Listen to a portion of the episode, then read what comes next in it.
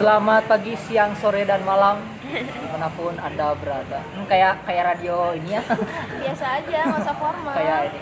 Ya, selamat datang kembali di Kakak Break Podcast bersama aku Rijal dan aku Rara akhirnya berdua lagi dari kemarin sendiri-sendiri gitu ya. Sosok idealis, gengsi buat berdua lagi. Sekarang berdua. Eh, terakhir ngomongin apa ya? Terakhir. Eh, yang versi aku Oh ya, terakhir tuh kan kita ngebahas Bahas lah ngomongin film terbaik versi masing-masing gitu. Jadi ada versi aku, terus ada versi Ade juga gitu kan. Udah tau lah bedanya di mana kan gitu. Nah sekarang di eh udah 2020. Yeay. Yeay, tahun baru. eh ada siapa nih Semoga di tahun ini ya pokoknya resolusi-resolusinya berlanjut gitu lah. Kalau aku sih nggak ada resolusi sih, pokoknya jalan aja. jalan aja Jalan aja. Kan eh, ini rencana terbaik adalah tanpa rencana Iya. ya. Ya. Kayak film apa ya? saya pernah dengar Ya. Nah, Film apa filmnya- tuh? Film filmnya apa lagi diomongin di, di Twitter tapi kemarin menang apa dia tuh kemarin ya? Eh, itu screen uh, SG Ingat aku SGM ya SAG, SAG. SAG gitu oh, saya. oh yang kemarin kan lagi rame-rame kan film itu nah ini ada suara nih silakan diperkenalkan. Mbak, Oh iya, yang, di Mbak yang di seberang. Iya, kita nggak berdua. berdua. Bias, Ada- biasanya kan berdua atau enggak sendiri. Nah Iya. sekarang ada bintang tamu ya. BTW bintang tamu pertama di podcast Pertama. kita. ke depannya pengennya ada bintang tamu lain gitu ya. Wah, ini tuh pertama. Pertama, Wih, gila, terima kasih. tapi dari yang kenal dulu gitu. Kalau yang belum kenal tuh apa malu gitu kan. Jadi yang udah kenal dulu. Oke silakan memperkenalkan diri yang di depan meja ini Halo, pendengar duo R. Benar dua ya. oh iya kita nggak nyadar. Eh, aku Eca Nah, dari mana atau dari eh, Bahas Sinema. Nah, Cinema itu adalah sebuah apa ya komunitas Komunitas memutar film dan eh, kajian film. kajian film di Bandung Iya. Di satu di Bandung. Selain itu, apalagi selain di Bahas Cinema? eh tahun kemarin sama tahun ini jadi kurator untuk eh, filmnya di Selasar Sunario Art Place. Hmm. Tahun mulai tahun kemarin juga jadi eh, salah satu programmer di JAV. Nah. Ya, kemarin ketemu di sana. Iya. Oh enggak. dia dia nggak kerja soalnya. Oke. Oh, sayang sekali. Terus Itu kali ya. Eh, udah kayaknya itu. latar belakangnya? Oh iya, Latar lagi sibuk apa lagi sekarang? Sibuk apa gitu? Sibuk kuliah. Oh, S2, ngambil S2 lagi ya? Iya, ya. Jadi perlu diketahui eh Eca ini S2-nya dua kali. Kemarin udah lulus, sekarang ngambil lagi. Wah, Wah, keren. keren. Iya, Pendidikan nomor satu. memperpanjang penderitaan ya. Lumayan lah buat CV. Iya. Iya bener. CV gitu. Kalau kita kan kayak CV itu tipis gitu ya. Ya, ya semoga aku ada kesempatan lah S2. Amin, amin, amin. S1 aja babak belur saya. Dia tepar kemarin. Iya, Ya pasti, Allah. pasti. Gitu. Babak belur karena ngurusin itulah gitu. Iya, sama sambil beraktivitas tuh emang kuliah jadi ini ya agak capek juga maksudnya bagi Oh, waktu. gitu. Sosokan pengen nyari kesibukan pas lagi tugas akhir eh tumbang juga gitu. Nah, pasti itu pasti. pasti tumbang juga gitu Sos, apa eh, sosokan bisa ngebagi waktu ternyata nggak bisa juga gitu. tumbang oke lupakan curhatnya sekarang ini eh, biasa kan kita kan ngomongin eh, sebuah film gitu kan Review film. review film gitu kan biasanya sendiri atau kita berdua gitu nah sekarang karena bintang tamu kita mau ngomongin lebih tepat sih bukan ngebahas sebuah film sih jadi lebih eh, ngomongin soal perfilm eh, sisi lain eh, dunia perfilman lah gitu karena kan Hmm, hmm. kita eh, selama ini kan mungkin film tuh cuman ya udah ada film ditonton di review gitu nah ternyata eh, perfilman tuh kan luas gitu nggak cuma Oh. sekedar produksi aja gitu Hmm. mungkin sebagai pengantar, pengantar sebagai awal mungkin eh, perfilman tuh kayak apa dunia perfilman tuh seperti apa sih di luar produksi lah Oh, Oke. Eh, jadi kalau dunia film sendiri sih ada yang kayak apa ya semacam mata rantai gitu ya. Eh, ada produksi film, ada distribusi film, ada apresiasi, eh, ada eksibisi, eksibisi itu pemutaran, ada kajian atau kritik dan satu lagi biasanya ditambah media juga. Dan eh, nggak selalu jadi kadang aku ngerasain juga sih misalnya di minta buat jadi ngasih apa ya ngasih jadi narsum lah ya buat satu acara gitu biasanya suka kadang suka salah alamat itu Eh, ini bisa ini kan ngasih lokal karya bikin film ya. Untuk anak SMA gitu. Aduh nggak bisa. Soalnya pengalaman aku juga karena aku di komunitas film juga gitu ya kalau ada yang ngirim undangan tuh undangannya suka berbau produksi gitu loh. bener. gitu. Jadi, undangan untuk submit film. Ya sebenarnya nggak apa-apa juga buat informasi gitu ya cuman eh, hanya eh, mohon maaf gitu saya bukan bergerak di bidang produksi tapi di bidang apresiasi gitu. Jadi masih banyak pemikiran kalau film tuh cuma sebatas produksi gitu ya. Mungkin Iya. ini yang harus diluruskan gitu. Iya Itu betul masih luas ya. iya perfilman kan luas seperti yang tadi Aca bilang kan macem-macem. Iya benar. terus apa lagi ya? Lan- lanjutin yang tadi aja. Eh, yang soal rantai perfilman itu. hmm, apa apa persisnya yang pengen Eh, diketahui paling kalau beberapa tahun terakhir Sen eh, istilahnya berkembang lah. Jadi eh, produksi kan nggak dominan lagi lah gitu. Walaupun masih dominan cuman sekarang tuh kan udah banyak apresiasi udah banyak distribusi udah eh, kajian terus, terus media juga ngaruh gitu. Hmm. nah ngelihat perkembangan ini sih kayak gimana sih? Berapa tahun terakhir lah gitu perkembangannya. Aduh, kalau ditanya berapa tahun terakhir bingung juga ya. Cuma ya belakangan lah setahun lah setahun terakhir hmm, setahun terakhir jadi gimana nih maksudnya? Eh, perkembangan rantai perfilman di luar produksi produksi jadi kayak apresiasi baik itu dalam bentuk komunitas ataupun event. Kan misalkan kalau event tuh kan ber, berbau produksi gitu. Hmm. tapi sekarang kan udah ada misalnya event apa, tentang apresiasi. Jadi misalnya ada kelas kritik gitu. Hmm. Lalu gimana? Mungkin aku supaya nggak terlalu konteksnya keluasan, eh, mungkin ngomongin Bandung aja kali ya. Karena sekarang jadi pengurusnya Bandung Film Commission, jadi kayak lebih eh, maksudnya konteksnya aku lebih tahu kalau di tingkat lokal lah ya. Iya. Eh, daripada kalau daripada terlalu luas, aku takutnya nggak tahu, nggak terlalu memahami juga. ya. Jadi kalau dari untuk di film Bandung sendiri sih aku ngerasanya setahun kalau tadi konteksnya setahun terakhir eh, agak melesu ya nggak tahu nih apakah Ijal eh, di apa di layar kita juga ngamatin situasi yang sama gitu di luar. Kalau layar kita sih udah konsisten dari 2012 ya? Ya 11 12 11 11 Ah, oke. Eh, rasanya sih produksi agak menurun gitu teman-teman. Pada nggak banyak yang lagi produksi. Terus pemutaran juga nggak lagi nggak terlalu banyak. Eh, misalnya dulu kan suka ada pemutaran di mana? Di eh, kedai cas misalnya lagi nggak ada juga kan ya. Biasa di lokasi ada. Lokasi ya? iya nggak ada juga. Eh, kadang dulu ada di spasial atau di geras eh, sinema lagi nggak ada juga gitu.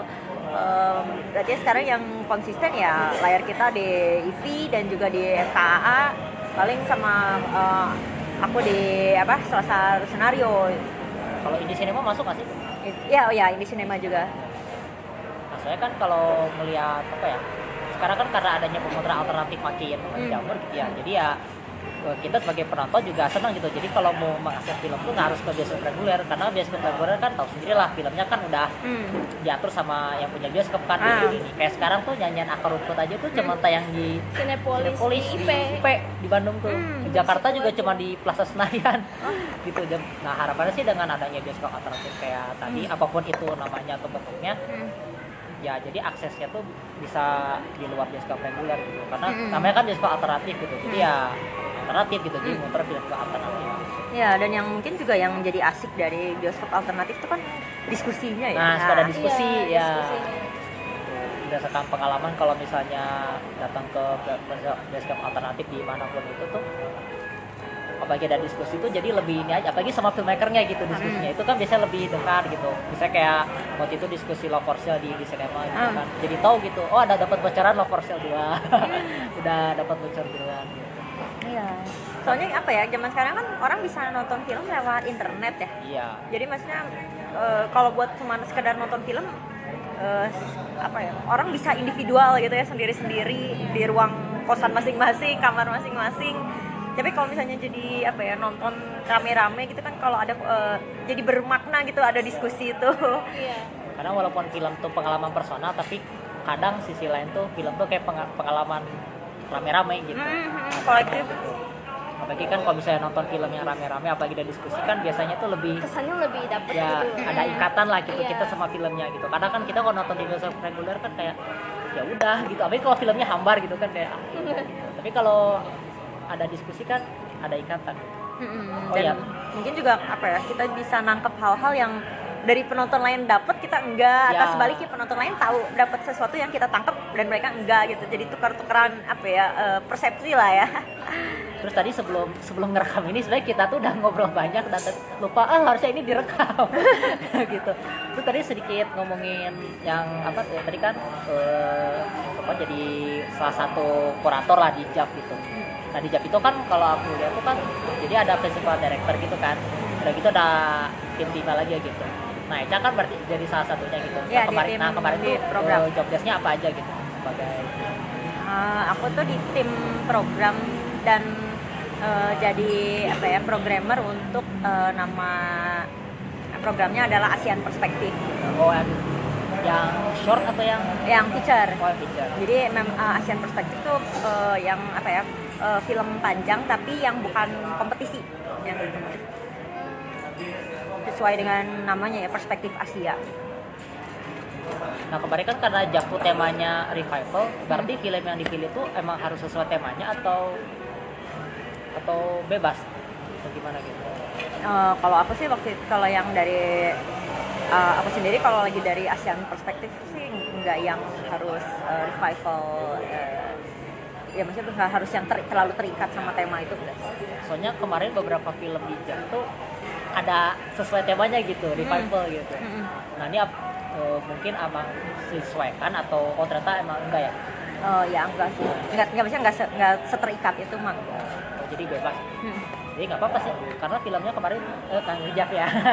sayang sekali padahal pengen banget kemarin tuh bela-belain kejam gitu padahal banyak urusan tapi bela-belain kejam gitu terus tadi kan karena posisi se- sebagai produk berarti kan ada istilahnya kriteria-kriteria untuk menilai sebuah film lah gitu ya.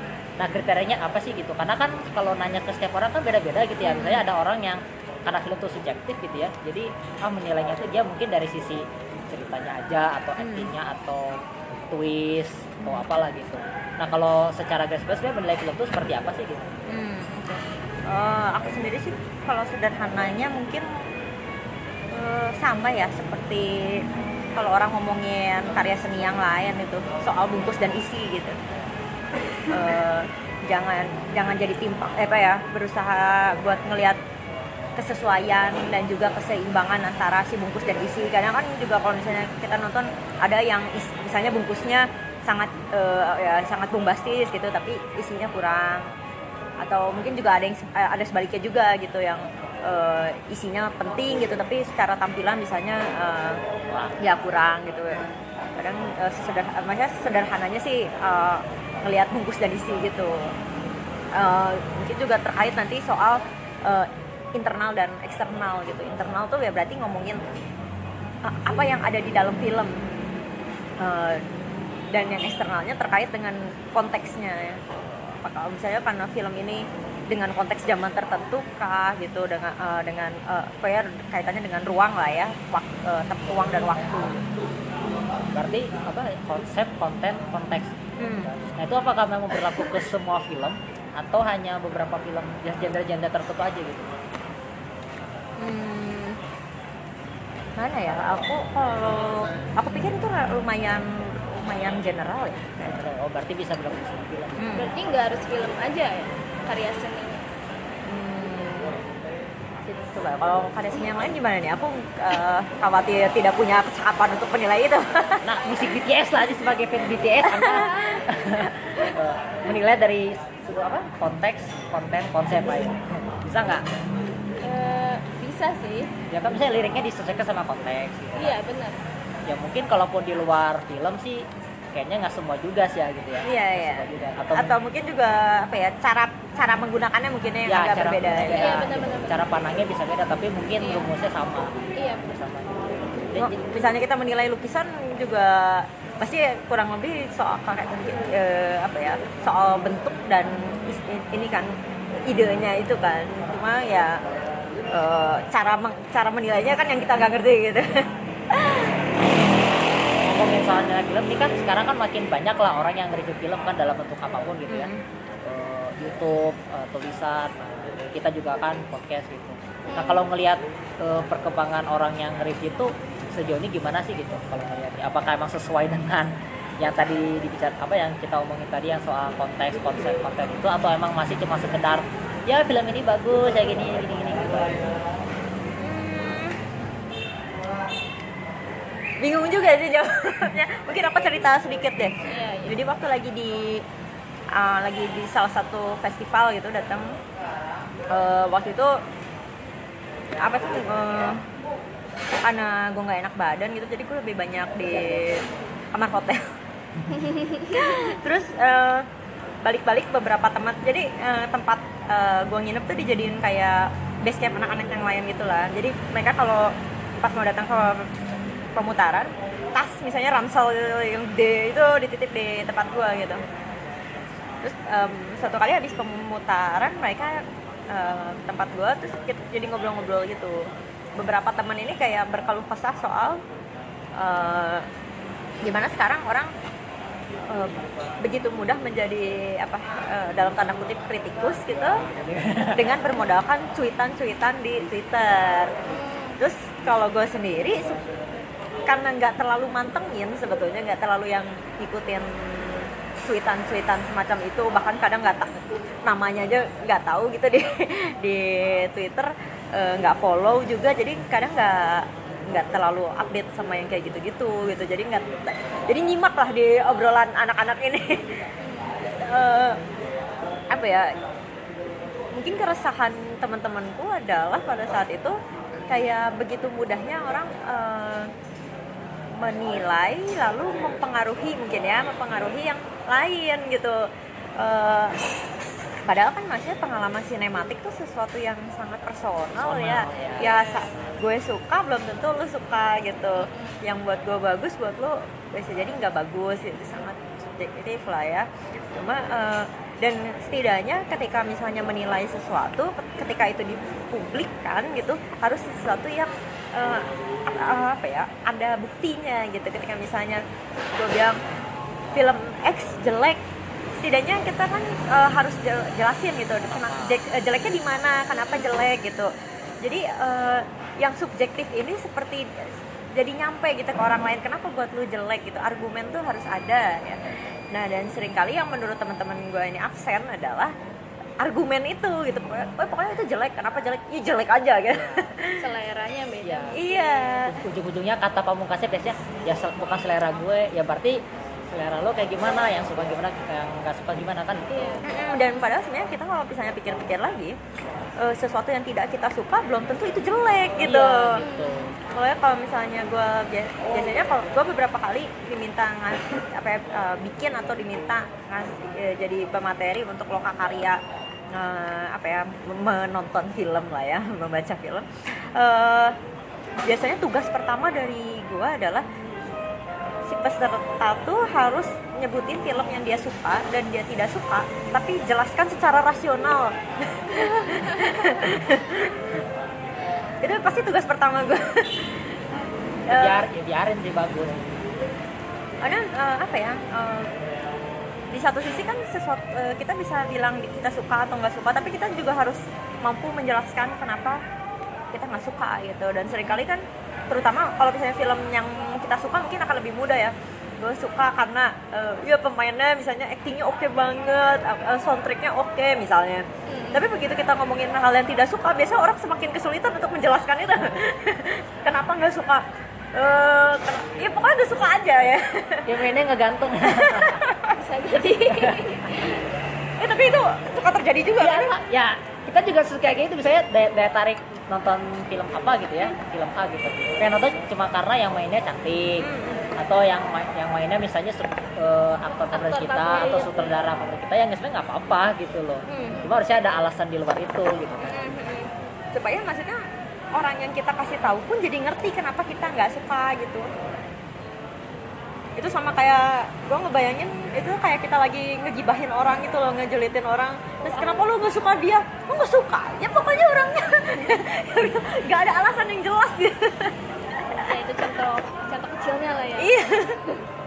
Soalnya banyak lah di Twitter apalagi ya. Iya benar. Nggak usah sebut nama lah gitu. Pokoknya ada lah gitu yang ya misalnya terakhir tuh apa sih itu eh, 1917 yang tayang tayang Hmm. besok kan di Iya. bioskop gitu. Oh iya benar. Ya film ini bagus gitu. Cuman dia tuh bilang bagus karena ada orang yang nge-review itu bagus oh gitu iya loh. Jadi eh, review itu dijadiin apa ya? eh, acuan utama dia atau jadi ya opini utama dia gitu Mm-mm. untuk memutuskan nonton apa enggak gitu. Sebenarnya itu ya salah juga kalau jadi salah satu pertimbangan ya ya boleh lah gitu. Cuma kalau jadi pertimbangan utama, aduh pengen non- pengen nonton ini atau nggak pengen nonton ini gara-gara lihat atau Mm-mm. eh, baca review ini ya salah juga karena kan ya film personal. hmm, gitu. ya ya tapi eh, di satu sisi emang yang apa ya gue memahami keresahan si teman-teman gue ini kan tapi di sisi lain juga ngelihat ini eh, apa ya ngelihat ini sebagai sesuatu yang lumrah aja gitu zaman dulu misalnya eh, awal-awal zaman modern yang punya yang bisa baca buku siapa sih? Cuma kalau kalangan tertentu aja. Lama-lama dengan adanya mesin cetak semua orang bisa baca buku itu apalagi sekarang ada mesin fotokopi orang semakin gampang baca buku terus dulu yang bisa punya akses ke telepon ke internet cuma eh, militer misalnya atau kalangan tertentu aja yang punya TV itu satu di balai desa gitu ya Yuran TV ketua berapa kecaman aja, iuran TV ya. Yuran TV dulu sempat nggak oh masih masih masih kecil juga sih kita sih cuman Iya, ya, masih pas- inget lah memori Iya, iya bener. Aku juga kecil TV. tuh kayaknya tiap bulan ada yang ngetok rumah gitu ya. bener Cuman karena kan makin lama makin dimasyarakatkan kan gitu. Jadi gue juga ngelihatnya ini sebagai sesuatu yang emang apa ya lumrah aja gitu. Tadinya orang yang bisa menilai film misalnya eh, hanya misalnya kritikus saja ke wartawan aja Blog-blogger film. blogger film atau misalnya dulu mah ulasan film tuh di koran kan Koran, ya, koran, benar. sekarang semua orang karena dengan punya ada media sosial semua orang seperti punya koran masing-masing Ya. gitu atau dengan YouTube dulu orang gue inget zaman kecil tuh ada acara sinema sinema di ya TV sinema sinema stasiun TV apa ya RCTI dong RCTI Aduh kita lawas ya masih ngalamin itu dulu Iya sekarang orang dengan punya uh, IGTV, punya YouTube, udah kayak punya channel TV sendiri kan ya. Podcast ini juga. Iya. Jadi kita makin orang semakin mudah untuk ngungkapin uh, apa ya, apa yang dia tangkap, apa yang dia suka, apa yang dia nggak suka gitu.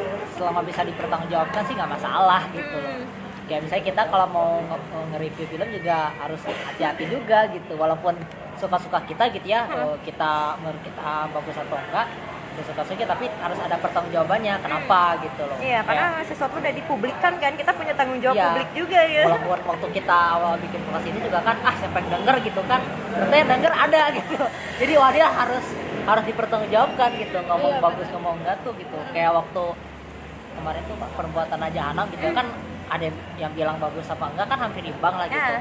nah aku berusaha untuk ngejelasin sukanya di mana enggaknya di mana gitu makanya waktu itu ngerekamnya sampai 50 menit baru nyada karena menjelaskannya tuh biar ini gitu Ah, biar berimbang lah biar ya. berimbang gitu bagusnya kan secara konteks PTJ itu bagus gitu Mm. karena ada isu yang personal dari Joko sendiri gitu tapi Mm. secara konten ada lemahnya misalnya bagian misalnya eh, penyelesaian masalahnya terlalu cepet itu dan apa ya aku sendiri ngerasa kadang eh, kalau aku pribadi gitu ngerasa nge- ketika menonton film dan mengeluarkan apa ya pendapat gitu eh, pertama-tama tuh bukan soal menilai filmnya bagus atau jelek eh, tapi apa ya aku lebih suka mengungkap apa ya membongkar atau me- apa ya mengulik gitu hal-hal yang gitu ya? ya hal-hal yang mungkin orang lain luput gitu buat aku itu kesenangan yang lebih asik jauh daripada menilai sekadar Bagus atau bagus enggak. atau enggak gitu.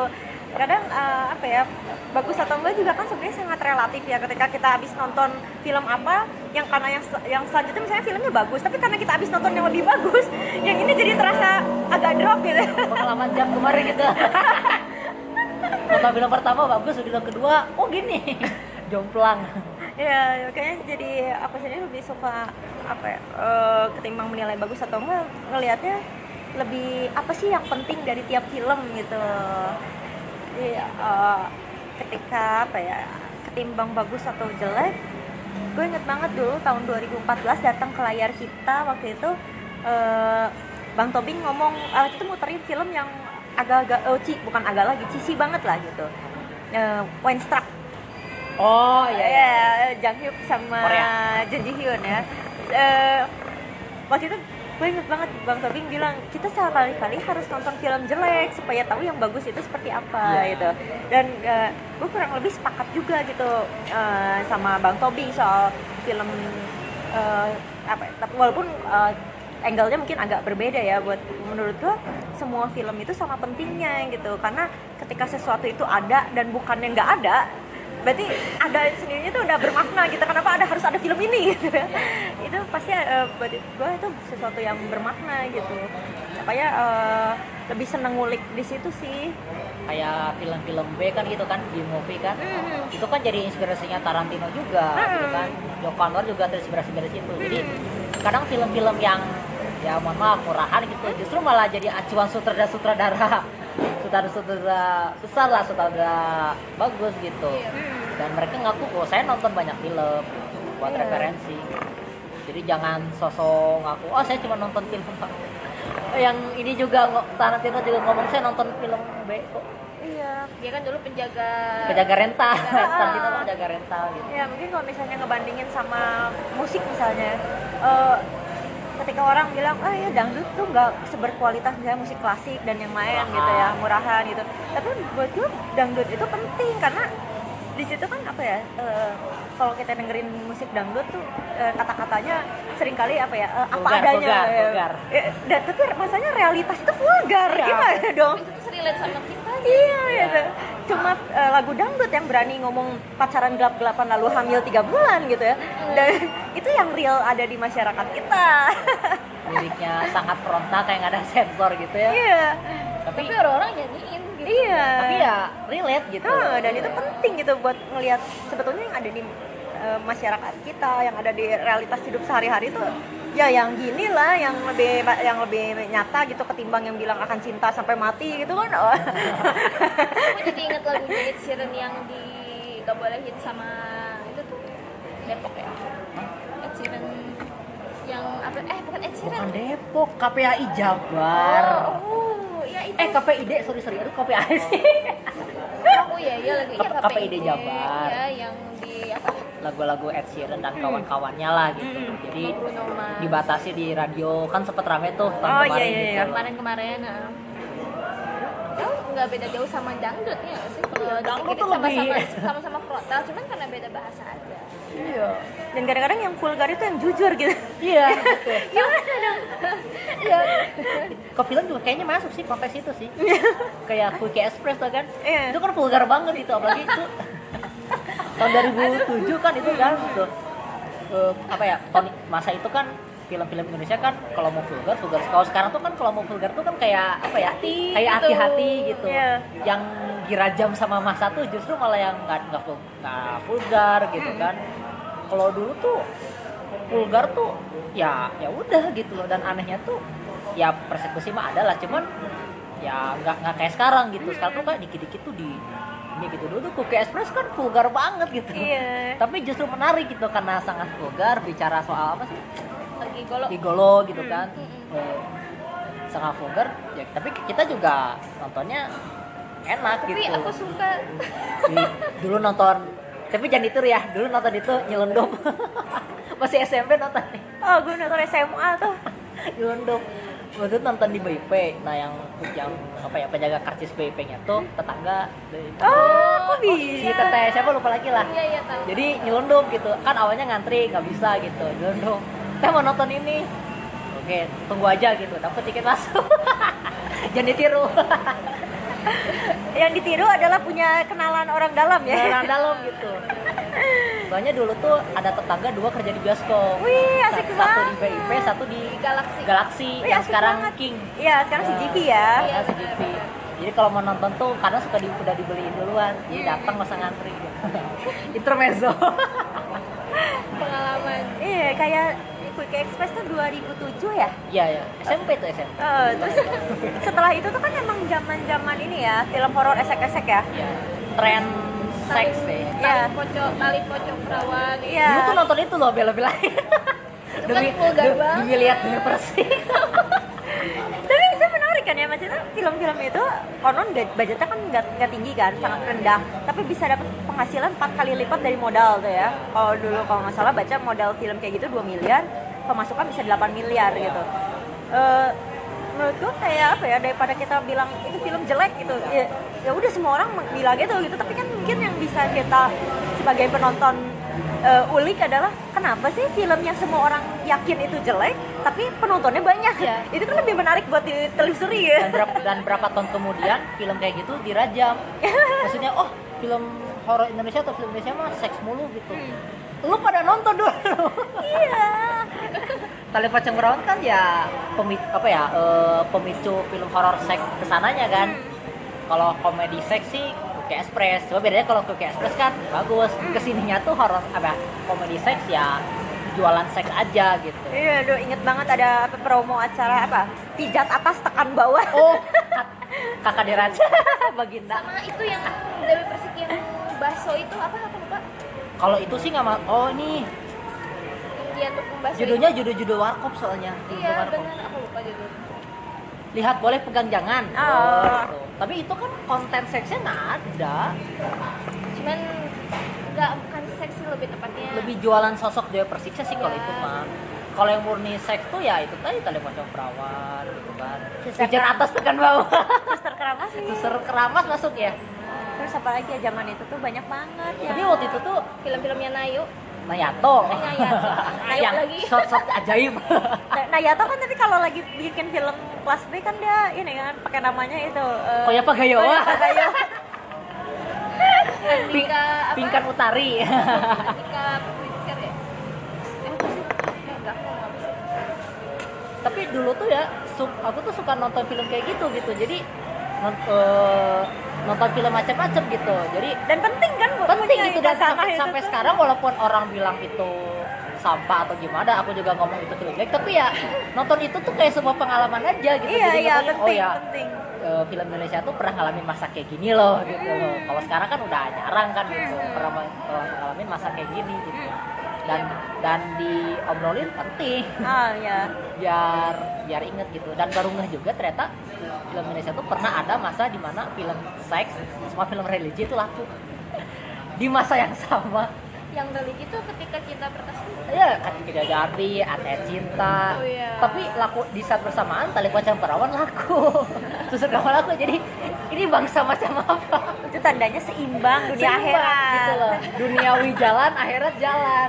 Habis satu tali pocong. Soalnya inget banget waktu itu tali pocong perawan tuh bersaingnya sama Ate Cinta waktu itu. Wah aku inget banget ada cinta antrinya. Antri banget. Tali pocong perawan antri. Gue nangis nangis tuh nonton ayat ayat cinta tuh. Oh iya dulu, diajak ya?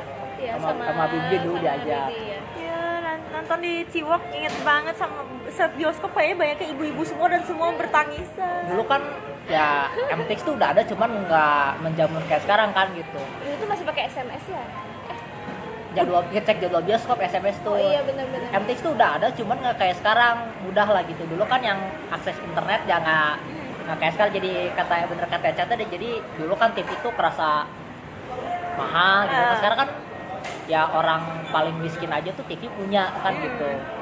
Nah dulu kan HP kan yang punya internet kan nggak semua orang gitu. Iya bener iya. Jadi dulu tuh beli tiket RT Cinta tuh pagi dapet yang sore ya ngantri manual tuh masih menyenangkan ya kan gitu kalau sekarang ya oh inget kita nunggu depan bioskop tuh ah waktu Harry Potter Harry Potter Yang yang keberapa? yang yang, yang final Oh itu sampai bolos sekolah dulu. ya ampun yang Deadly Hallow part kedua. gila Itu kan telah kasus ini gara-gara yang kasus impor itu kan Ah. dulu kan gitu. Waktu itu bela-belain bolos eh, bolos bolos kelas hari karena belum zaman beli tiket kayak sekarang gitu. Tinggal tinggal beli udah tuh scan gitu Ah. kan. Dulu kan masih antri manual tapi itu pengalaman. iya asik aja ngerasain sensasi rebut-rebutan tiket sedek-sedekan iya terus bangga gitu gue udah ngantri dari pagi dapet nih gitu kan bener-bener Dulu berapa waktu rame Laskar Pelangi tuh di Ah. BIP begitu pihak bioskopnya dibuka tuh buah lari. sama Get Married deh dulu Get, get married Get married satu sih. Iya, Get Get Get married satu. Gitu yang untungnya sih masih ngalamin masa-masa itu sih. Wida ngelitan film dari zaman sekolah bangga. Gue sebenarnya bawaan dari tantenya. Jamaah sineo jamaah sineo obrolannya kok jadi ke sini ya? Tapi biarin sih gak apa-apa lah. Nggak apa- nggak apa-apa lah gitu. Namanya juga ngobrol ya kalau terlalu struktur itu namanya rapat ya. Ya gitu. Kita eh, apa nggak suka yang terlalu terus apa ya naskah lah gitu. Iya. Jadi, ngobrolnya ini ini ini nggak ke mana-mana juga biarin lah. karena kan film pengalaman personal jadi kan bisa pe- cerita pengalaman personal gitu. Oh, iya, ya dulu sih emang kalau keluarga kita emang pada suka nonton gitu ya.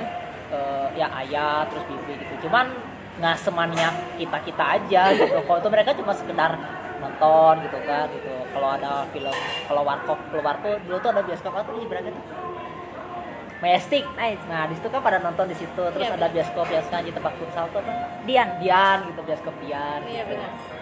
Ya, cuma sekedar itu aja kalau kita mah enggak man, lebih maniak wah lebih maniak lagi gue malah telat eh, mulai nonton bioskop tuh baru tahun 2006 uh. Telat telat banget. Bo- eh, bokap nyokap gue tuh sama sekali bukan penonton film bioskop. Jadi gue baru nonton film tuh SMA di bioskop SMA kelas 1 Ingat banget gara-gara itu juga di sekolah ada pembagian tiket Denias. Oh dan ya Pevita masih kecil. Oh iya iya iya tahu tahu. Denias ya ya Denias dari Benang kalau gue sih nonton pertama tuh eh ikut gak sih dulu? Petualangan Sherina. ikut gak sih? Bentar.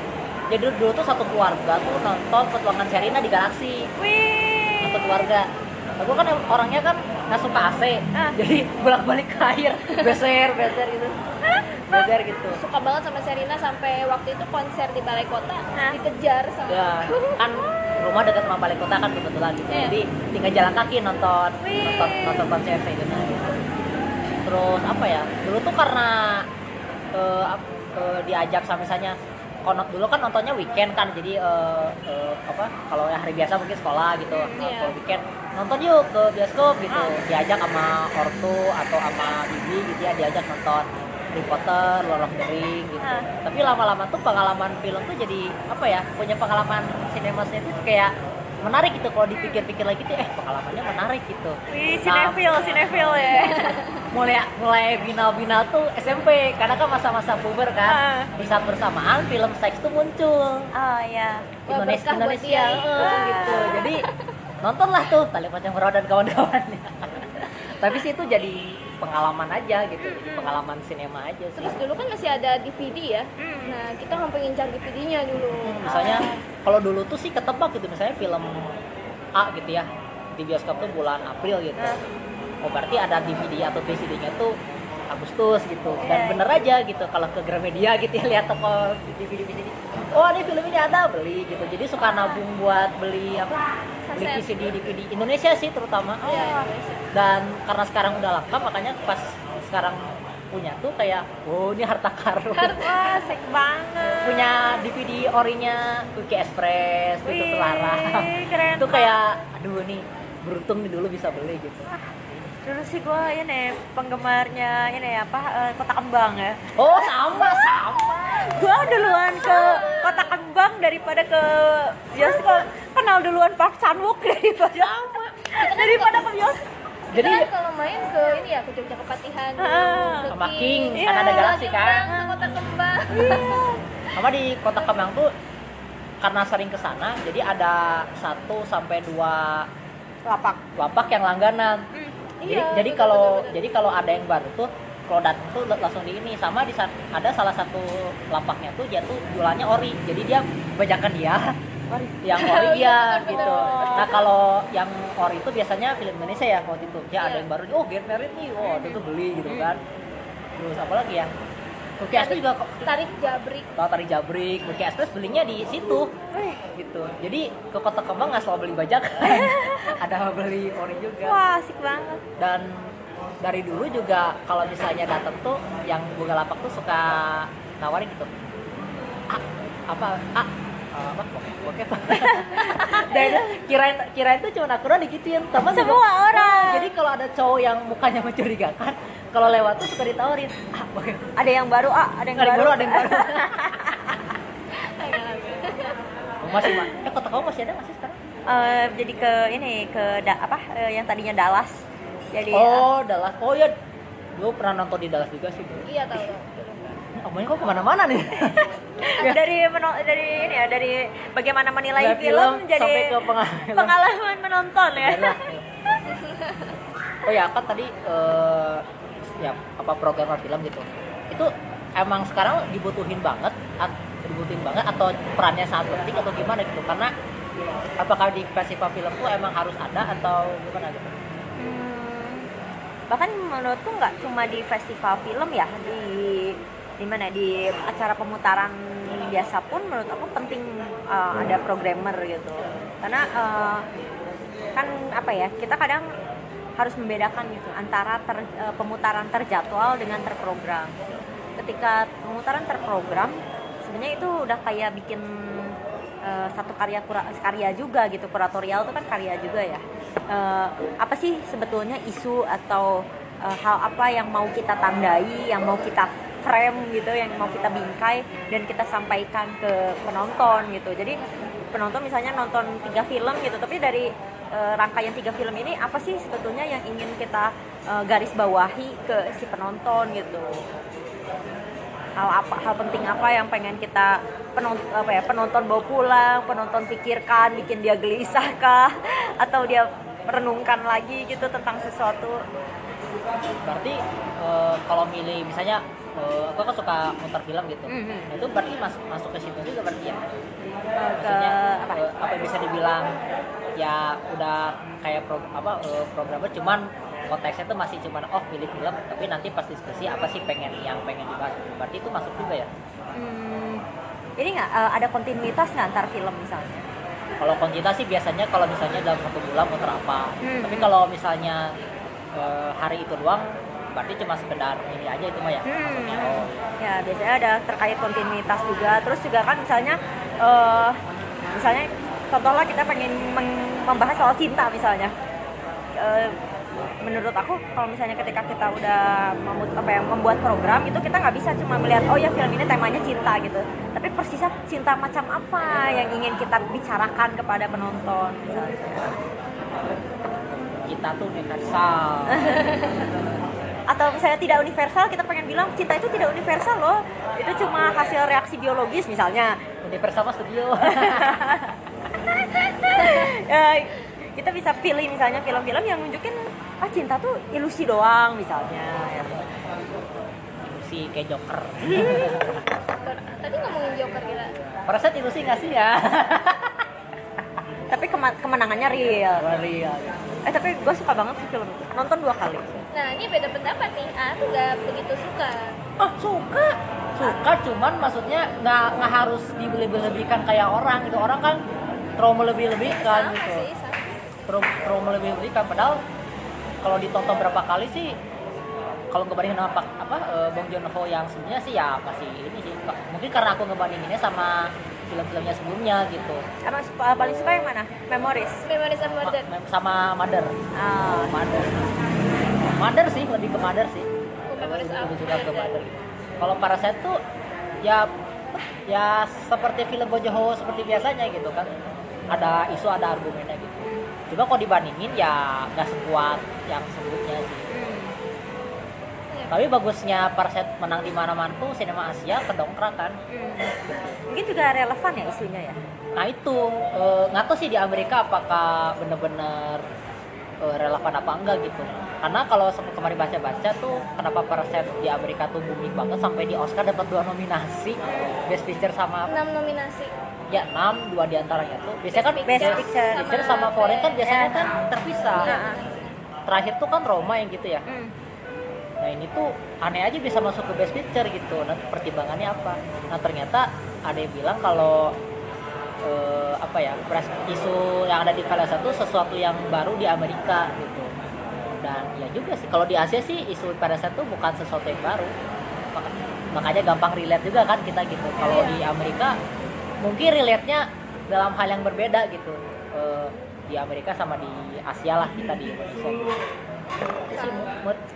Terus salah satu apa pemainnya Choi Woo-sik dia kan bilang kalau ya ha- berharap harapannya untuk untuk selanjutnya film-film Asia tuh bisa bisa maju di Hollywood gitu. jadi nggak berhenti di Parasite aja gitu. iya kalau atau sih kenapa shoplifter nggak nggak se booming Parasite ya padahal sama-sama membahas kritik sosial ya sih? Temanya sama. Iya. makanya waktu nonton tuh sama-sama menangkan kan? Langsung nemu persamaannya di mana gitu. Coba Iya, kenapa benar. shoplifter nggak se booming Parasite gitu. Apakah kalah sama isunya Roma? Di Amerika kan lagi isunya Meksiko Meksiko gitu ya. Imigran. Migran.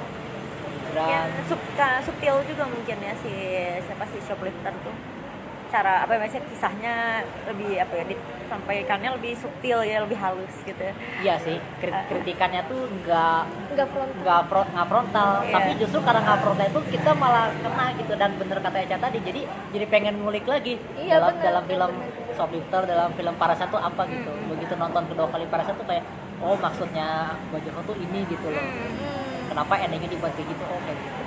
Aku senang dengan gimana Parasite eh, marah gitu.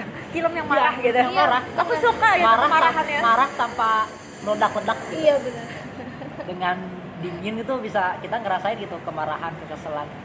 Dan bagusnya tuh di situ tuh nggak ada protagonis antagonis. Hmm. jadi manusia tuh ya udah nggak hitam putih bisa kamu mereka, baik iya mereka sebelumnya jahat. nggak konflik kan di film gitu loh. Jadi nggak ada yang murni baik nggak ada yang murni jahat tuh nggak ada. Sukanya di situ gitu. Dan apa ya menurutku juga yang menarik dari si siapa dari eh, Parasite adalah ternyata privilege-nya tuh nggak nggak cuma soal akses akses terhadap ekonomi misalnya Iya. tapi privilege-nya untuk berbuat kebajikan itu milik siapa gitu itu canggih sih. Terus- apakah, apakah berbuat baik itu hanya untuk orang yang orang kaya aja? Kan itu menarik gitu. Iya, ketika misalnya eh, low class itu jangankan misalnya untuk berbuat eh, berderma gitu, bertahan hidup aja udah susah gitu. itu itu menurut aku terus scene yang, pertanyaan-pertanyaan moral gitu penting ya. terus scene yang yang mereka tuh pulang-pulang kebanjiran dan itu kan mereka di ngungsi gitu di lapangan gitu lah ya Ah. kayak di gor gitu lah Iya, ya iya. gitu terus di saat yang bersamaan keluarga yang yang itu mah kan ya mereka mah hujan mah nggak kenapa kenapa gitu sedangkan Iya. kita kan oh harus harus nguras lantai harus bersih itu kan itu dan gapnya kelihatan dan pas pindah adegan dep itu tuh kayak kita ngerasain jomplangnya tuh Iya, dari awal bener. pagi tiba-tiba buk gitu tiba-tiba ini banget Eh, itu film keji banget sih, tapi suka banget karena dia keji ya. ya persamaan solid sama Parasite tuh namparnya tuh nggak ini nggak secara nggak secara langsung lah istilahnya Gitu. Tapi kerasa banget kita tuh kayak ditampar nih Iya. gitu loh. Iya benar Itu cocok buat penelitian tuh Parasite tuh. Udah diambil banyak orang ah. Iya sih pasti orang udah banyak. Kok Parasite nih pengen tuh. Oh, iya benar jadi skripsi gitu. Terus yang ini yang, juga dia menurutku menarik adalah soal apa ya? eh, bagaimana aroma tuh adalah penanda kelas Oh, iya. gitu ya. Penanda- bau baunya sama mereka. Penanda pertanda Roland Barthes. Bau bau KRL bau baunya kayak apa kayak Kayak stasiun kereta stasiun bawah tanah. bawah tanah gitu bau bau KRL kan gue tuh nonton di PVJ yang pertama kali tuh nonton Parasite emang sebelum filmnya mulai gue tuh kayak keliling-keliling di toko-tokonya PVJ kan ya Iya. dan Oh, udah iya. ngincer mau beli parfum Hmm. Terus kayak eh udah ntar gue masih pengen milih aromanya dengan seksama membiarkan dulu yang tester wanginya setahan apa Iya. nonton dulu. Beres nonton jadi nggak jadi beli merasa bersalah. Langsung filmnya. Anjir. itu kita nggak pernah ke PVJ ya. Ke PPJ tuh cuman kita nonton doang ke PVJ ya. Kalaupun makan paling murah kan KFC Burger King kalau promo. Gue soalnya waktu itu lagi tesis gue tuh kan eh, sampelnya adalah PV PVJ soalnya. Oh. jadi emang eh, itu adalah masa-masa oh jadi parfum tuh buat sampel? Enggak dong. Oh mau kirain lah. Tapi kayak apa ya di saat itu emang lagi sering banget ke PVJ gitu lah. Makanya eh, makanya di sana. Dan beres nonton tuh kan gue kayak luntang jadi kayak masih shock gitu sama filmnya. Nggak nyangka ternyata tadi nyobain parfum teh ada kode. Nonton abis nonton tuh shock eh, sampai bengong tuh habis sekitar 4 jam gue rasa. Dan kan di PVJ tuh ada ini kan yang bagian atasnya ada sky level yang buat taman itu kan. Ya Oh, udah iya. gue sampai PVJ sekitar jam 10 tuh bengong di taman tempat duduk situ kan duduknya gratis ya. Tuh kayak bengong di emang situ. mau di Jakarta? Bengong di situ lama banget dan eh, apa ya gue jadi eh gue ngeliat sih ya misalnya pegawai-pegawai di sana ketika PVJ udah mau tutup tuh mereka pada di sky level ada yang kebetulan saat itu habis ini Oh, mereka pada nongkrong. pada nongkrong iya, dan iya, apa iya. ya duduk lesehan di rumput-rumput iya, iya. itu gue kayak pernah lihat pernah lihat wah gitu ya yang eh, tiba-tiba pokoknya udah nggak pengen beli parfum tiba-tiba merasa tercekat selama berjam-jam merasa bersalah juga gitu Eh, bahwa hidup misalnya kita orang kelas misalnya kelas menengah tuh kan sering ngomong aduh hidup gua flat gitu ya Eh, flat itu adalah tanda bagus gitu tandanya kita nggak nggak bergejolak hidupnya gitu. Nggak terlalu ke atas banget nggak ke bawah banget lah. iya, gitu iya, flat itu tanda bagus bahwa hidup kita kayak TV layar datar. Ya nggak ada yang kalau misalnya mau hidup yang sangat apa ya roller coaster eh, ya susah maksudnya kita justru datar itu adalah sesuatu yang harus kita syukuri juga. Itu privilege gitu. Nggak harus ngalamin kebanjiran misalnya. Nggak harus eh, setiap hari ngadepin orang yang eh, apa rumahnya dikencingin orang nggak ngerasain fogging. Gak ngerasain bau amis, eh amis, eh, bau atau toilet apa eh, jebol segala macam jadi Pareset kan kayaknya kalau ngeliat kan sempurna gitu rumahnya emang bagus gitu kan. Ah. Terus apa ya ya keluarganya juga kayak nggak kayak nggak ada masalah masalah juga. Itu kan kayak menampilkan kayak kesempurnaan tapi semu juga gitu. Apakah sempurna atau enggak kan ya itu persepsi masing-masing. Iya. terus kayak anaknya pengen berpetualang ala Indian gitu ya. Anak pramuka. Iya iya. Itu lucu sih maksudnya di kelas-kelas tertentu tuh pengalaman tuh kita buatan gitu. Misalnya kalau misalnya kita gua ngebayangin kayak kita di kota gitu terus pengen ngerasain menjadi petani. Ya kita pergilah ke, tem- ke misalnya ke tempat ma- eh, main. Dulu gue inget gue main ke Mulika Desa di Garut gitu. Ber- eh, seolah-olah gue mencangkul gitu. Ya terus kayak apa kalau sekarang tuh yang lagi tren juga apa glamping glamping gitu. Se- seolah-olah kita menyatu dengan alam gitu. Atau ini apa naik gunung? Iya. tren naik gunung. Iya, my trip my adventure ya. Iya. Sementara di sisi lain ada orang yang memang setiap hari itu adalah adventure untuk bertahan hidup Iya. gitu. kalaupun ke kota ya cari tantangan lain kan gitu Hmm. Menarik sih itu. Ya, ngalamin sih soalnya kan kita tuh kan dulu juga kan tinggal di Bandung tapi Bandung itu bukan Bandung kota karena dulu tuh ini agak tua sih Ah. jadi Bandung akhir 90-an awal 2000 tuh bukan Bandung kayak sekarang gitu Hmm. jadi daerah Antapan itu kayak kampung ya kan di daerah Ah. Antapan itu kayak kampung masih ada sawah masih ada pokoknya kayak kampung aja Wih, gitu asik banget. begitu sekarang ke sana karena masih ada saudara kan di sana juga Oh. sawah-sawah tuh udah jadi ru- perumahan beton semua. beton semua gitu jadi dulu tuh kalau kalau mau masuk gang rumah tuh di Antapan itu patokannya lapangan nah sekarang mau masuk gang bingung lapangnya di mana oh ya udah ada rumah jadi udah Malah ada, ada Udah sangat berubah ya berarti sana ya. Perumahan oh, gitu. gitu waktu iseng-iseng ke sana tuh wah udah udah beda udah beda Iya, pasti Bandung Timur tuh salah satu yang sekarang lagi di ini banget selatan kan. sama timur sih ya Hmm, lagi di yang lagi digit sama banget. pengembang dan kawan-kawannya Ya, itu memang lagi pusat banget ya daerah sana. Iya sih. Abis kayaknya sawah. Untung ya kita masih main sawah dulu. jadi masih ngalamin pulang pulang apa pulang main atau pulang di Batam tuh main di sawah di apa di belakang. Dekat rumah kan ada sawah kan gitu. Ini ngomong apa lagi nih? Ini orangnya lagi pesen. Dia menarik sih tadi ngomongin eh, ada ngomongin apa ya pengalaman film masing-masing gitu kan. Tadi kan Iya. udah ngomongin soal gimana menilai film gitu. Walaupun ya menilai film sih orang beda-beda gitu ya. Iya. tapi tadi kan ada konten konsep sama konteks itu kan menarik gitu. Bahwa bi- bisa dilihat dari segi itu gitu. Ada bungkusnya filmnya seperti apa lalu isinya lalu konteksnya gitu nah kalau ngaitin yang soal 3C atau 3K tadi kan itu Parasite bisa dari mana aja kan itu Hmm. Parasite Joker gitu kan? Panjang ya kita Panjang ya, udah. Hampir sejam ya. sejam nggak keras Sampai mulai lapar lagi. lapar lagi kerasa. Oh ya, eh ya saya su- suka duka. Ini pertanyaan biasa sih, tapi ya eh, suka duka jadi programmer. Disebut udah nyaman nggak sih disebut programmer film gitu? Soalnya kan udah jadi programmer di beberapa festival lah, kan terakhir jam. Eh, lebih suka bilang penonton film sih sebenarnya. Ya suka dukanya apalah eh, selama Se- selama menonton deh. atau ngekurasi lah gitu. Sebenarnya suka, suka banget sih. Karena suka nonton. iya, soalnya kayak eh, dapat kesempatan buat nonton film yang kadang eh, apa ya orang nggak bisa akses gitu, bisa dapat privilege itu lah ya gitu. Atau kadang juga kalau filmnya udah ditonton juga dapat kesempatan eh, karena ada momennya jadi nonton lagi misalnya. Terus atau mikirin fil satu film gitu eh, sambil ngerjain apa sambil dipikirin itu kan eh, menyenangkan juga ya. Kayak ngisi TTS kan kalau belum ada yang masih belum keisi tuh Ya. kepikiran itu kayak secara nggak langsung juga kayak gitu. Cuma paling yang eh, jadi apa ya jadi tantangan adalah soal waktu kali ya. Jadinya kayak waktu kemarin ini pas lagi ngekurasi JAF gitu eh, ya lagi tesis juga lagi udah mulai kuliah juga di kampus yang satunya lagi belum kerja yang ini itu.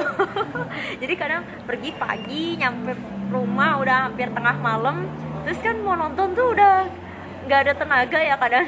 Iya. pikiran tuh udah yang terkantuk-kantuk pikiran udah kemelayang ke mana-mana kadang itu sih kal- dan eh, apa ya gue tuh tipe orang yang slow burning gitu. Kayak mesin diesel gitu. Jadi eh, misalnya dari satu eh, satu film gitu gue nonton misalnya orang lain misalnya kurator lain bisa nonton eh, berderet gitu ya. Kayaknya gue tuh tipe yang justru nggak bisa gitu nonton misalnya satu untuk eh, membuat perasaan gue netral lagi gue butuh beberapa jam jadi nonton satu film dan tuh netralin dulu Iya itu yang kalau misalnya pergi kalau film yang eh, kayak waktu itu gue nonton apa ya tentang istri yang tiap hari dipukulin suaminya gitu. Gue kayak abis nonton itu ya udah hari itu gue nggak akan bisa nonton yang lain lagi gitu karena udah eh, eh, apa ya perasaan gue terhanyut terhadap film itu gitu. Mungkin itu yang juga gue cenderung apa ya iri kadang iri juga sama sine kalau misalnya teman lihat teman-teman yang lain gitu sehari bisa nonton eh, Oh, gitu. iya maraton gitu ya. Ada yang series satu season tamat satu hari. Ada yang gitu. Iya gue berharap gue bisa kayak gitu juga gitu tapi gue nggak bisa eh lumayan eh, lelet gitu tipe yang eh, ngerjain satu tuh lama gitu. Juga kadang bisa kadang enggak sih? Pernah satu season apa series tamat gitu tapi kadang sehari nonton satu film tuh kayaknya udah udah bagus. Oh, udah Ah, bagus. Karena ah. capek apa ya capek fisik sih karena kan nonton kita kan cuma nonton aja fokus kan harus fokus apalagi kalau filmnya apa ya secara alur mungkin berat gitu kan butuh tenaga gitu Iya. kayak kemarin di Jijak juga kan kayak scene of fiction tuh kan harus butuh tenaga yang ekstra buat ngerti ini maksudnya apa Iya. gitu kan cuma karena ada diskusi sama apa Angginun kan jadi oh ya ya kadang kita kalau datang ke festival juga kan ya nonton tiga film eh, berturut-turut juga kan udah lumayan banget tuh. Nah ke- kemarin hari terakhir nonton lima loh. Maksimal ya. Nonton li- eh, nonton semua gitu. Wih. ternyata cuma nonton tiga cuma ada temen tuh ada lebih tiket dua film. Film yang berbeda. Ah. waktu itu tuh Mountain Song sama film Crossing apa? Si eh, Kuasa Putra Motel Akasia. Ada tiket lebih ya udahlah ambil aja. Pulang-pulang mer sama aku pernah Jerman Cinema juga tiga kali Oh, sehari iya. tiga Sehari. pernah. Iya ya, ya. biasa kalau di Bandung eh JAF yang dua tahun lalu yang pas gua datang tuh juga tipe yang penonton full dari 10 jadi jam 10 pagi sampai beres iya iya iya dulu juga pernah Korea Film Festival Iya. tapi yang tahun 2000 berapa udah lama lah gitu Iya, jam- sehari tiga Iya, Jerman Cinema juga gua kayaknya nonton Iya, terus-terusan. benar kira gak kuat gitu nonton itu nggak eh, One Cut of the Dead yang sejak tahun lalu JFF tahun lalu. Ah, nonton. eh jak atau atau one cup JFF. iya one cup Pas yang di JFF kan? Iya, Iya, JFF tahun lalu lumayan nontonnya. Nah, lumayan sih yang yang dari bukan dua tahun kemarin itu kan udah iya benar paling kemarin cuma nonton sa cuma nonton dua Gua kemarin juga nggak terlalu produktif soalnya gara-gara yang dua tahun lalu tuh kan kadang kita kalau lagi di apalagi JFF ya jeda antar film tuh kadang nggak nyampe sejam kan? Iya dan gue tuh kayak gue kan sakit mah ada yang lumayan lumayan nih. Jadi gue nggak bisa kalau nggak makan. Akhirnya dua tahun lalu gue sakit pas sakitnya sialan ya pas shoplifter. Oh jadi gak nonton Kemarin jadi enggak. shoplifter tuh gue bolak balik ke toilet karena gue mual banget. Oh. Itu gue makanya brengsek banget. Kesel sayang banget Iya nonton sih nonton gitu ngerti juga. Cuma jadi apa ya perasaan tuh nggak terhanyut terlalu gimana gitu. Karena gue udah udah mumet kepala. Tuh iya sayang banget. Makanya eh, Jeff juga kan ada jarak sejam kan ya? Itu emang sengaja kan supaya ada waktu Iya ada waktu istirahat. juga. Dan untungnya kan kalau Jav kemarin memang satu venue kan. Iya. Kalau yang yang sebelum sebelumnya kan pindah-pindah Pindah tempat venue. itu satu jam tuh ma- ya makan ya pindah tempat ya pesan ojol, pesan Iya, apa, bener. macet.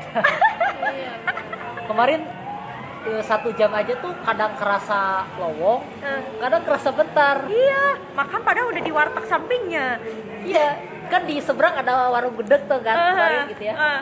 Satu satu empat malam kan sama Joko, Ah. Joko Anwar lagi makan di situ. Waktu itu kan nonton dua garis biru, itu jam 4 kan. Nah, Film sebelumnya tuh jam 3an baru beres karena ada diskusi. Nah, Oh, lamanya oke. bisa karena diskusi kan Ah, ah. gitu. Karena diskusi udah gitu di tempat di, mungkin orang juga kan kalau mau makan nggak mau jauh-jauh dari situ gitu ya. Jadi makanya tempat makan daerah situ tuh rame. Hmm. Iya, yang gudeg itu rame. iya Makannya baru datang tuh jam 4 kurang 10. Jadi Oh, nggak iya. bisa gudeg cuman 10 menit. dan kadang kalau ke toilet juga udah ngantri Oh, ya. Begitu film kan kalau telat kan dikasih ke yang bahasa Inggris kan kemarin kan ya. Ah. jawab kan? Begitu pas dua garis biru kan telat begitu masuk film mulai. Gue tuh udah antara sakit karena baru beres makan langsung lari gitu kan. Aduh. Sakit. Nah itu ada peran programmer nggak sih di situ ngatur jamnya sih? Tapi kalau Jeff kayaknya emang udah dari dulu ya jeda sejam sejam Jam gitu gitu. Ya kalau Jeff kan manis- masih manusiawi lah. Beda sejam gitu. Jadi kalau enaknya tuh kalau film sebelumnya durasinya bentar. Udah Jadi gitu ada dis- sejam, ya. nggak ada diskusi. Enak. Iya. Kemarin tuh utusan official diskusinya kan lumayan lama karena kan emang banyak penasaran ya gitu ya. antusias ya. Begitu keluar cuman ya nggak nyampe setengah jam masuk lagi Aurora. Oh. Jadi aduh makin mumet ya. Aurora kan filmnya pusing gitu berarti ya kalau penentuan ada jeda setengah jam atau sejam itu kan gimana yang ininya ya? Iya ya, tapi kalau misalnya di luar, misalnya di luar JAV gitu, biasanya sih memang itu programmer menentukan sih ya. Entah itu susunan alur eh, filmnya yang mana duluan, yang mana yang tengah, mana yang misalnya jadi penutup, juga jeda antar ininya gitu.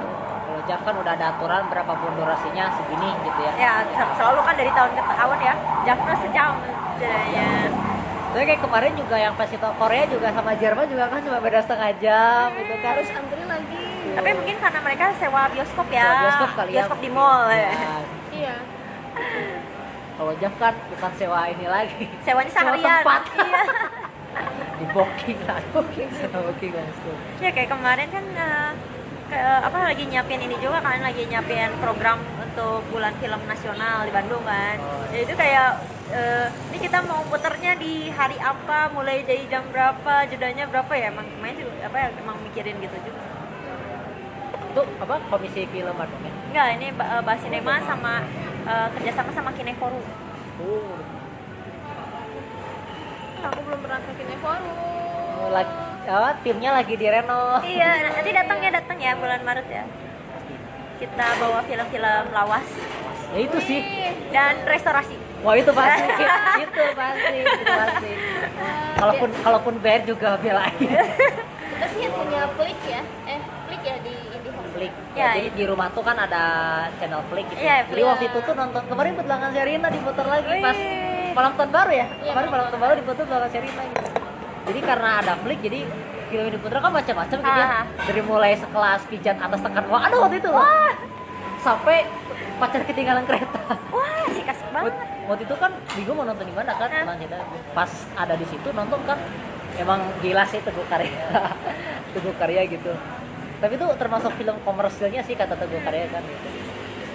oh jadi nanti ada film-film lawasnya gitu Iya, ya, selama bulan Maret ya, tiap akhir oh pekan. bulan film nasional ya Iya, setiap akhir pekan. Saya waktu pas kapan gitu ya? Oh waktu pas di Jakarta waktu itu kan ada udah pas pas di Jakarta. Waktu itu di saat yang bersamaan film film film klasik Kineforum waktu itu eh, masih di Cikini waktu itu. Aduh mau ke mana ya? Mau ke mana gal akhirnya ada yang dikorbanin saat. Menarik ada film klasik. Yeah. soalnya kan Kemarin eh, waktu di Jav kesempatan ini nggak nonton film-film restorasinya? duduknya kan nggak jauh Enggak, maksudnya semua nonton nonton apa aja?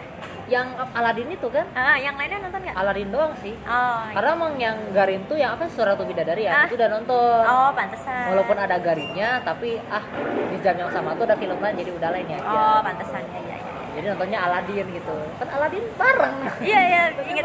Soalnya gue pas di Jav tuh akhirnya nontonin film-film restorasi pilihnya. Aladin berarti nggak ikut nggak ikut nge apa Aladin nonton Oh. terus ada Aladin yang itu yang surat untuk bidadari itu juga Aladdin juga menarik. Ternyata itu kan itu bukan judul aslinya kan. iya Jadi ya, karena nama karakternya Aladdin udah kasih judul Aladdin aja. Dan kebetulan ceritanya tentang Aladdin. itu menarik tuh. Penasaran sih nanti. Nantilah ngobrol filmnya off the record aja. Biar surprise gitu. Iya. Dah, gitu aja.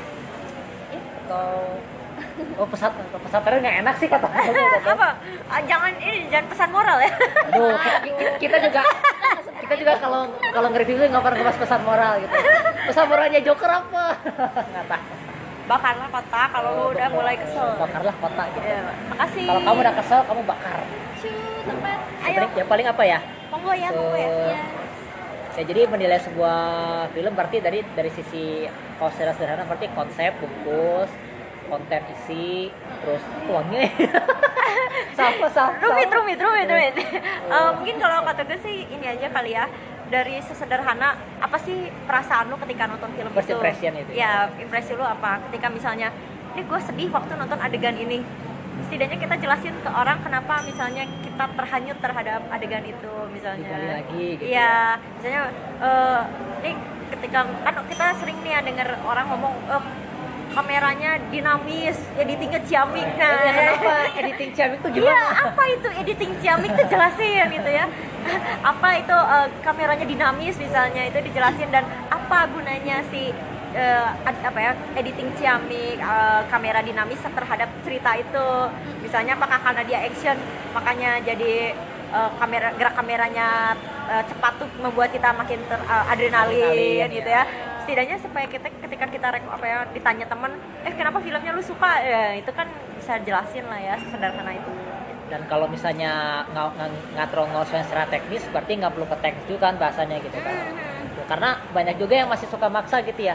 Gitu. Kita juga berusaha kan, misalnya kalau ada sesi teknis yang ngerti, oke lah disampaikan gitu. Tapi kalau misalnya ngatrol ngerti, ya nggak perlu dibahas ke sananya, kita ngebahasnya dari sisi lainnya gitu. Mhm, dan nggak harus teknis juga sih menurut gue Iya. kayak banyak hal yang bisa digali dari tontonan gitu nggak cuma soal teknis ya penting juga gitu tapi Konteks ya. ya, eh, konteks. da- apa ya bukan jadi dalam arti eh, bungkusnya apakah misalnya eh, misalnya adegannya eh, ruangannya jadi agak temaram misalnya ya itu kan soal lighting misalnya tapi apa sih yang pengen eh, suasana yang dibangun oh sedih misalnya Kalau dari sisi teknis kan lampunya gini, pakai teknik ini kan kalau nggak ngerti berarti paling makna lampu itu misalnya. iya terhadap tata cahaya itu terhadap cerita Kenapa apa lampunya gitu. redup? dibanding kita ngebahas itu lampunya apa gitu kan itu kan lebih itu untuk eh, diskusi anak produksi Ya, aja aja lah, gitu.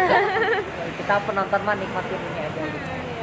kayak tadi apa kita ngobrol off the record yang soal gitu kan gitu kenapa eh, apa ada per, saya ada adegan dari yang rumah mewah tiba-tiba pindah ke pengungsian gitu kan ada ininya ada Iya, maknanya ada gitu. jomblangnya ya. Gitu sih. oke Oscar joget siapa Eh, kayaknya bakal nulis karena dua tahun kemarin nulis soal Oscar mungkin tahun ini akan nulis lagi Google ya. Nulisnya di mana boleh di share aja share aja Kalau dua tahun kemarin sih di Jurnal Ruang yang sekarang lagi offline dulu Jurnal Ruangnya. Jadi mungkin tahun sekarang di web Basinema dulu, basinema.com. Eh, eh, ya siapa tahu kalau misalnya nanti ada diskusi-diskusi publik mungkin mungkin ada em, siapa tahu nanti pendengarnya 2R dua dua bisa datang juga gitu. Karena dengar dengar rumor akan ada diskusi publik. Maksudnya eh, diskusi obrolan soal Oscar gitu. Mungkin kita juga bahas soal Oscar juga nanti ya. pasti tunggu aja. Nanti ngebahas prediksi Oscar gitu. Di, Oh. di situ bisa berantem kayak FFV kemarin. Oh, dia jagoin Gundala menang ini aku nggak jagoin aku jagoinnya ini wah di situ berantem. Hmm. aku biasanya tapi nggak pernah nul ini sih belum dua tahun kemarin. Kayaknya tahun ini juga sama sih nggak bukan tipe yang akan bilang siapa yang kemungkinan akan menang gitu. Ya, ya paling prediksi soto aja gitu. Iya, iya, iya. kemarin FFV kebetulan aja sebagian besar bener.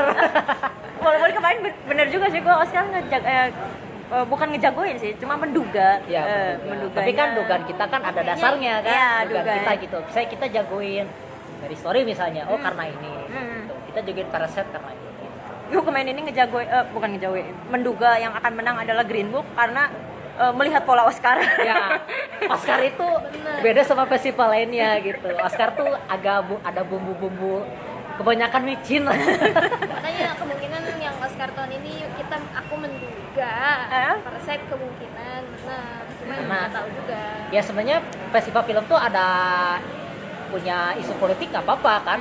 Eh ya. ya kak ada harus punya identitas gitu. Cuma kalau terlalu banyak enak juga gitu loh. Dan kalau lihat tren Oscar berapa tahun terakhir ya itu gitu. Gua menduganya 1917 ya. ada tuh ya, Ya, belum ya. besok belum keluar ya? Hmm. besok nonton ya. Eh, berarti udah tahu kan ini direkamnya hari apa. Kalau yang peka mungkin tahu. Oke gitu aja. Udah gara-gara tadi kesan teknis berarti kalau digabungin sama yang ini udah nggak usah diomongin juga udah biarin gitu ya pokoknya makasih buat Eca udah Yeah. mau makasih udah jadi bintang Oh, tamu bintang pertama tamu. terima kasih udah diajakin ngerumpi. bintang tamu pertama udah nimbrung di episode ya nggak tahu keberapa udah nggak ngitung ya. gitu Ya, gitu. pokoknya untuk info lanjutnya follow aja instagram kita eh kakak beradik podcast guys gitu ya terus dengerin aja kalau apa kalau mau lihat podcast kita yang udah ada dengerin aja. Ada di Spotify ada di Anchor gitu ya. Terakhir kita kita ngebahas film yang terbaik versi kita juga gitu kan. Ini indeknya kapan? Ya nggak tahu lah. Suka-suka. Suka-suka aja gitu. Kita di tapi desain cepet lah desain cepet lah kayaknya. Karena nanti juga pengen ngebahas 1917 juga gitu. Asik. itu agak berat sih bahasanya aku lihat ton kameranya kayak Dunkirk ya? Ya pokoknya nanti dibahas di situ lah gitu. Jangan di spoiler di sini gitu. Ya ya oke oke oke. Pokoknya nanti eh, salah satu yang di, yang kita omongin nanti nanti ada episode ngebahas eh, prediksi Oscar gitu prediksi soto kita soal Oscar. Oke gitu aja. Makasih udah Dadah, dadah. udah dengar gitu ya. Terima kita mau ini ada yang wangi-wangi di sini pengen dicobain. Udah makasih. Dadah.